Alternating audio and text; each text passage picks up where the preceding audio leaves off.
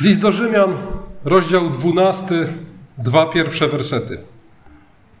A zatem proszę Was, bracia, przez miłosierdzie Boże, abyście dali ciała swoje na ofiarę, żywą, świętą, Bogu przyjemną, jako wyraz Waszej rozumnej służby Bożej. Nie bierzcie więc wzoru z tego świata, lecz przemieniajcie się przez odnawianie umysłu, abyście umieli rozpoznać, jaka jest wola Boża, co jest dobre, co Bogu przyjemne i co doskonałe. Zapewne czytając Nowy Testament zwróciliście uwagę na ciekawy schemat, który obserwujemy w niektórych listach apostoła Pawła. Apostoł Paweł prowadzi nas od teologii do etyki. Prowadzi nas od tego, w co powinniśmy wierzyć, do tego, jak powinniśmy żyć. Oczywiście, kiedy apostoł Paweł mówi o wierze, ma na myśli wiarę żywą, spotkanie z Chrystusem. A więc apostoł Paweł prowadzi nas od spotkania z Chrystusem do tego, jak powinniśmy żyć. Od tego, kim jest Chrystus i kim my jesteśmy w Chrystusie, do tego, jak powinno wyglądać nasze codzienne życie. Ten schemat widzimy na przykład w liście do Efezjan. Przez pierwsze trzy rozdziały apostoł Paweł omawia pewne kwestie teologiczne, a potem mówi: Napominam was wtedy, ja więzień w Panu, abyście, abyście postępowali jak przystoi na powołanie wasze. Napominam was wtedy, a więc napominam was ze względu na to wszystko, o czym mówiłem dotychczas. Najpierw apostoł Paweł mówi o tym, kim jesteśmy w Chrystusie i jakie jest nasze powołanie, a potem mówi, a teraz powiem wam, co to znaczy w praktyce.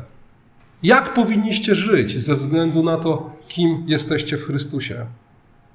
Dokładnie ten sam schemat widzimy w liście do Kolosan, gdzie najpierw przez dwa rozdziały apostoł Paweł opowiada o kwestiach teologicznych, o tym, kim jest Chrystus przede wszystkim, a potem mówi, a tak, a więc znowu, ze względu na to, co mówiłem wcześniej, a tak jeśliście wzbudzeni z Chrystusem, tego, co w górze szukajcie, gdzie siedzi Chrystus po prawicy Bożej. I potem następują praktyczne wskazówki dotyczące codziennego chrześcijańskiego życia. No i przede wszystkim list do Rzymian. List do Rzymian też jest zbudowany według tego samego schematu. Przez 11 rozdziałów apostoł Paweł w bardzo szczegółowy sposób prezentuje Ewangelię Chrystusową. Czyni tak dlatego, że list kieruje do zboru, który osobiście go nie zna. Apostoł Paweł chce się więc w jakiś sposób przedstawić, prezentując Ewangelię, którą głosi, a czyni to dlatego, że planuje w przyszłości dalszą misję na zachód w oparciu o zbór rzymski. A więc 11 rozdziałów apostoł Paweł poświęca na Ewangelię Chrystusową. Mówi o tym, że Ewangelia jest mocą Bożą ku zbawieniu. A więc jest tą mocą, która każdego wierzącego przemienia w dziecko Boże. Mówi o tym, że w punkcie wyjścia wszyscy jesteśmy zgubieni, niezależnie od tego, czy jesteśmy Żydami, czy Grekami. Wszyscy zgrzeszyli i brak im chwały Bożej. Mówi o usprawiedliwieniu, którego dostępujemy darmo w Chrystusie. Mówi też o tym, co się dzieje z nami, kiedy już w Chrystusie jesteśmy, o codziennym zmaganiu z grzechem, o pewności zbawienia, którą możemy mieć pomimo tych zmagań i o Bożym wybraniu, które jest fundamentem naszej pewności zbawienia. I kiedy wszystkie te kwestie omówi, dwunasty rozdział rozpoczyna słowami: A zatem proszę Was, bracia, przez miłosierdzie Boże. A więc znowu, ze względu na to wszystko, o czym mówiłem dotychczas, chcę Wam teraz powiedzieć, jak powinno wyglądać Wasze codzienne życie.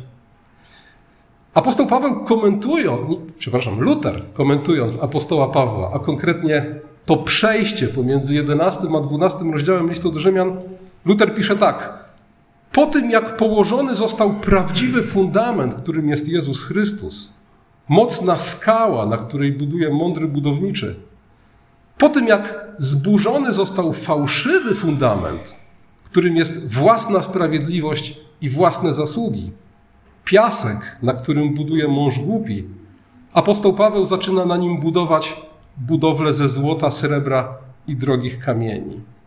I oczywiście ten komentarz Lutra do listu do Rzymian jest czytelną aluzją do pierwszego listu do Koryntian. Tam apostoł Paweł w trzecim rozdziale mówi: Według łaski Bożej, która jest mi dana jako mądry budowniczy, założyłem fundament, a inny na nim buduje. Każdy zaś niechaj baczy, jak na nim buduje, albowiem fundamentu innego nikt założyć nie może oprócz tego, który jest założony, a którym jest Jezus Chrystus. Jest tak, jest dokładnie tak, jak mówi Luther. Apostoł Paweł w liście do Rzymian burzy fałszywy fundament własnej sprawiedliwości, ten piasek, na którym buduje człowiek głupi, ustanawia mocny fundament, skałę, którą jest Chrystus i Jego sprawiedliwość. I na tym chce, abyśmy budowali nasze codzienne życie.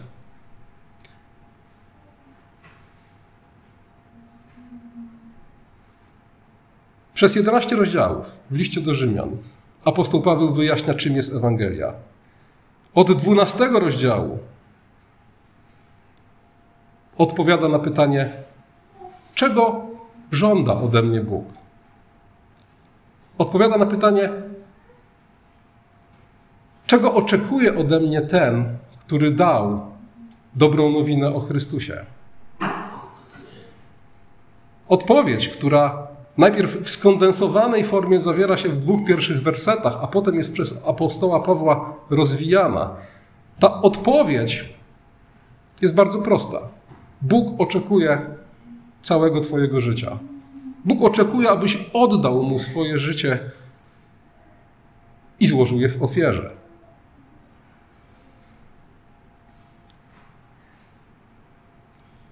Słowo ofiara nie pozostawia tutaj wątpliwości. A jeśli jeszcze dodatkowo uświadomimy sobie, że apostoł Paweł odwołuje się do konkretnego rodzaju ofiary, do ofiary całopalnej, wznoszącej, tej, która była spalana na ołtarzu, to już w ogóle nie ma żadnych wątpliwości. Bóg oczekuje, abyśmy oddali mu całe swoje życie. Co więcej, ofiary były święte. Co znaczy święte? Święte znaczy oddzielone. Jeżeli coś było święte, to znaczy, że było przeznaczone dla Pana i tylko dla Pana. Nie było przeznaczone do żadnego innego użytku. Tak jak święte były naczynia w świątyni, i do żadnego innego oprócz świątynnego użytku nie można ich było używać. Jeśli my jesteśmy wezwani do tego, aby stać się, aby nasze ciała złożyć Bogu na świętą, żywą ofiarę, to znaczy, że my sami, my cali, jesteśmy święci, oddzieleni dla Boga i tylko dla Niego. W praktyce, co to znaczy? Szczegółowe wskazówki znajdziemy w dalszej części listu. I okazuje się, że te szczegółowe wskazówki są dość przyziemne. Apostoł Paweł zaczyna od obrazu złożenia samego siebie w ofierze Bogu, a kiedy przychodzi do konkretów, okazuje się, że chodzi o służbę w kościele według tego daru, jaki każdy otrzymał, modlitwę, gościnność, wzajemny szacunek, współczucie, wyrozumiałość, posłuszeństwo przełożonym, a nawet płacenie podatków. Wspólnym mianownikiem wszystkich tych powinności jest miłość. Apostoł Paweł mówi o tym w 13 rozdziale od 8 wersetu. Nikomu nic winni nie bądźcie prócz miłości wzajemnej. Kto bowiem miłuje bliźniego, zakon wypełnił. Przykazanie bowiem nie cudzołóż, nie zabijaj, nie kradnij, nie pożądaj i wszelkie inne w tym słowie się streszczają. Miłuj bliźniego swego jak siebie samego. Miłość bliźniemu złego nie wyrządza, wypełnieniem więc zakonu jest miłość. A zatem apostoł Paweł mówi: w odpowiedzi na Ewangelię powinieneś oddać swoje życie Bogu, złożyć je Bogu w ofierze, co w praktyce oznacza ofiarną miłość. Ofiarną miłość wobec, wobec różnych kategorii osób. Bo apostoł Paweł pisze tam o gościnności, czyli miłości, którą okazujemy ludziom w jakimś sensie obcym, o miłości braterskiej, o miłości nieprzyjaciół, o różnych rodzajach miłości apostoł Paweł mówi, bo ta ofiarna miłość jest naszym powołaniem. To właśnie na ofiarnej miłości polega złożenie swojego życia w ofierze Bogu. I tak jak miłość małżeńska, miłość małżeńską możemy opisywać wielkimi słowami, a potem okazuje się, że ona w praktyce realizuje się w bardzo przyziemny sposób codziennego wspólnego życia. Dokładnie tak samo jest z wszelkimi innymi rodzajami miłości.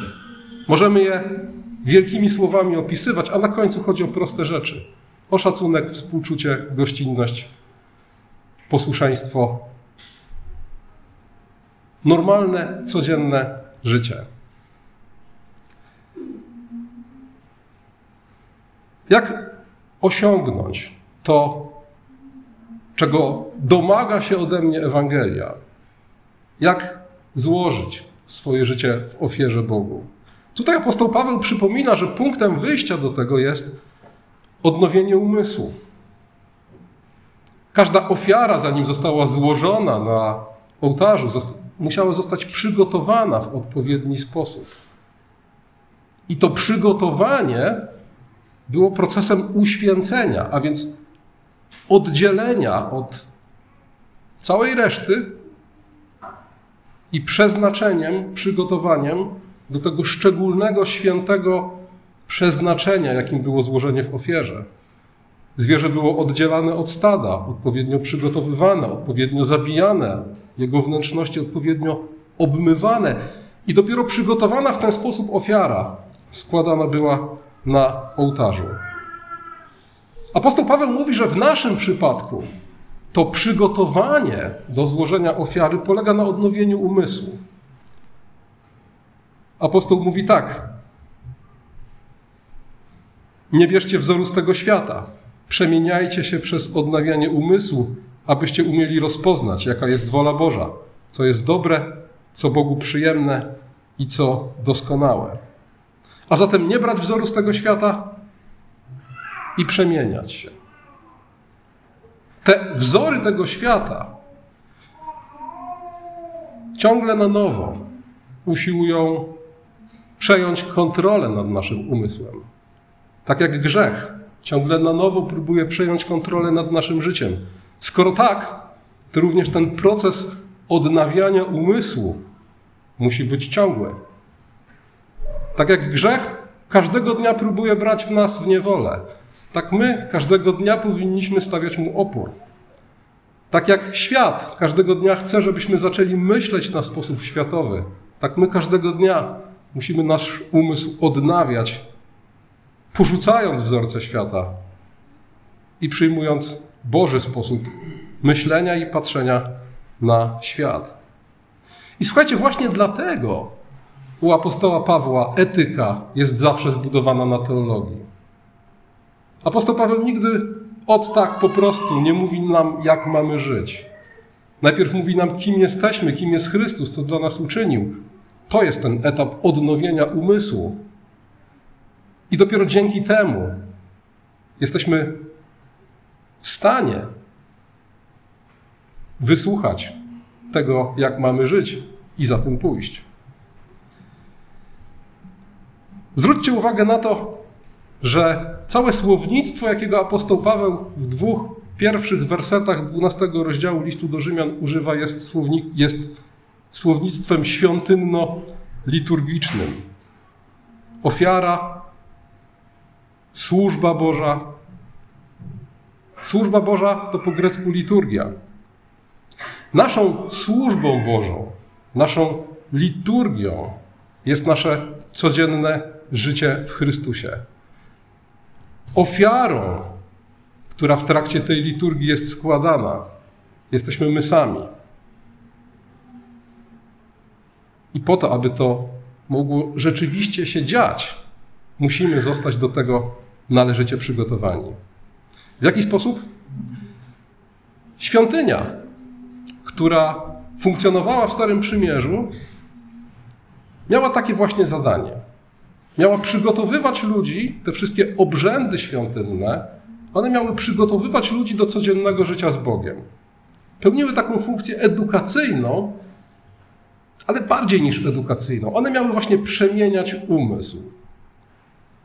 Liście do Hebrajczyków w ósmym rozdziale, w piątym wersecie czytamy, że świątynia była odwzorowaniem świątyni niebieskiej, a więc tej, która jest w niebie. A więc w jakimś sensie budowa świątyni sprowadzała się do tego, że tu na ziemi ukazujemy niebiański obraz świata, niebiański obraz rzeczywistości.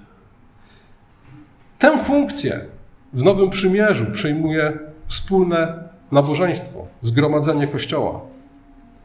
Celem nabożeństwa jest właśnie udostępnić nam niebiański wzór.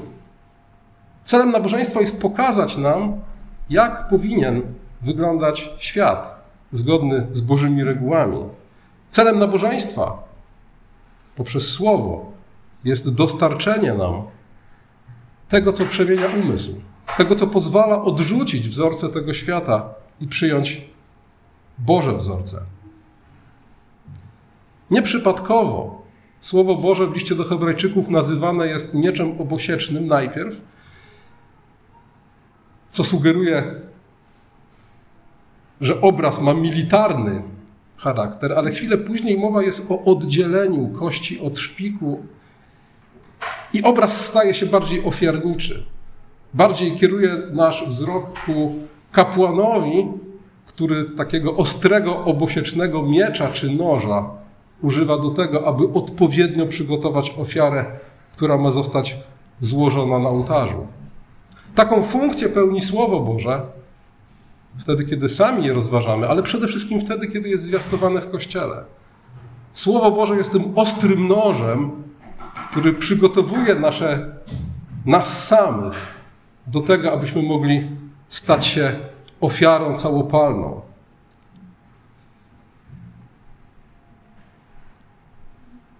Ale oczywiście nabożeństwo jest punktem wyjścia do ofiarnego życia. Nabożeństwo jest punktem życia, punktem wyjścia do tego, aby dokądkolwiek pójdziemy, rozchodząc się z tego miejsca, praktykować ofiarną miłość. Apostoł Piotr nawiązuje do tym w swoim pierwszym liście, w drugim rozdziale, w piątym wersecie, gdzie pisze tak: I wy sami, jako kamienie żywe, budujcie się w dom duchowy, w kapłaństwo święte, aby składać duchowe ofiary przyjemne Bogu przez Jezusa Chrystusa. My, jako protestanci, często lubimy powtarzać, że jedyną ofiarą jest ta ofiara, którą Chrystus złożył na krzyżu. I to jest prawda, jeśli dodamy, że jest jedyną ofiarą przebłagalną. Nie ma innej ofiary za grzech niż ta, którą Jezus Chrystus złożył na krzyżu. Ale apostoł Piotr mówi, że my jako żywe kamienie budujemy Kościół po co? Żeby składać w nim duchowe ofiary. Tutaj ujawnia się zresztą bogactwo i wieloznaczność biblijnej symboliki, bo w, tym, w tej świątyni, którą jest Kościół, jesteśmy jednocześnie kamieniami, kapłanami i ofiarami. I tymi duchowymi ofiarami składanymi w żywym kościele jesteśmy my wtedy, kiedy nasze codzienne życie, po tym jak Bóg przemienia nasze umysły swoim słowem, jest życiem ofiarnym, życiem pełnym ofiarnej miłości na co dzień. A zatem kolejność od teologii do etyki jest jak najbardziej właściwa. Tylko ta kolejność pozwala nam żyć prawdziwie ofiarnym życiem. Tylko ta kolejność może sprawić, że nasze życie będzie rozumną służbą Bożą, jak apostoł Paweł w liście do Rzymian mówi.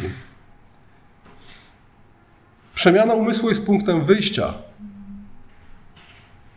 praktyczne wskazówki apostoła Pawła, między innymi z listu do Rzymian, pozwalają nam zrozumieć, czym ofiarne życie jest na co dzień. Ale wszystko zaczyna się tutaj. Wszystko zaczyna się od nabożeństwa, gdzie Bóg poprzez ostry nóż, jakim jest Jego słowo, przygotowuje nas do tego, abyśmy mogli jako ofiara zostać złożeni na Jego ołtarzu. A jak to wszystko ma się do dzisiejszej uroczystości, a więc do niedzieli Chrztu Pańskiego? Zwróćcie uwagę na to, że życie Chrystusa jest wzorem takiego życia, o którym mówi apostoł Paweł, począwszy od 12 rozdziału listu do Rzymian. Jest wzorem życia wypełnionego ofiarną miłością, które w dodatku zmierza do złożenia ofiary ze swojego życia, oddania życia za przyjaciół, jak mówi sam, sam Jezus. Chrzest jest zapowiedzią śmierci. Ten aspekt symboliki chrztu, powiązanie chrztu ze śmiercią, apostoł Paweł rozwija w liście do Rzymian w szóstym rozdziale od trzeciego wersetu, gdzie mówi: Czy nie wiecie, że my wszyscy ochrzczeni w Chrystusa Jezusa w śmierci Jego zostaliśmy ochrzczeni? Sam Jezus nazywa śmierć chrztem. Ewangelii Marka w 10 rozdziale, w 39 wersecie mówi: Kielich, który ja piję, pić będziecie, i chrztem, którym jestem ochrzczony, zostaniecie ochrzczeni. A więc ten związek chrztu i śmierci jest w Nowym Testamencie bardzo wyraźny. Jeśli kiedykolwiek widzieliście wschodnią bizantyjską ikonę chrztu pańskiego, to być może zwróciliście uwagę na to, że przedstawia ona wypełniony wodą grób.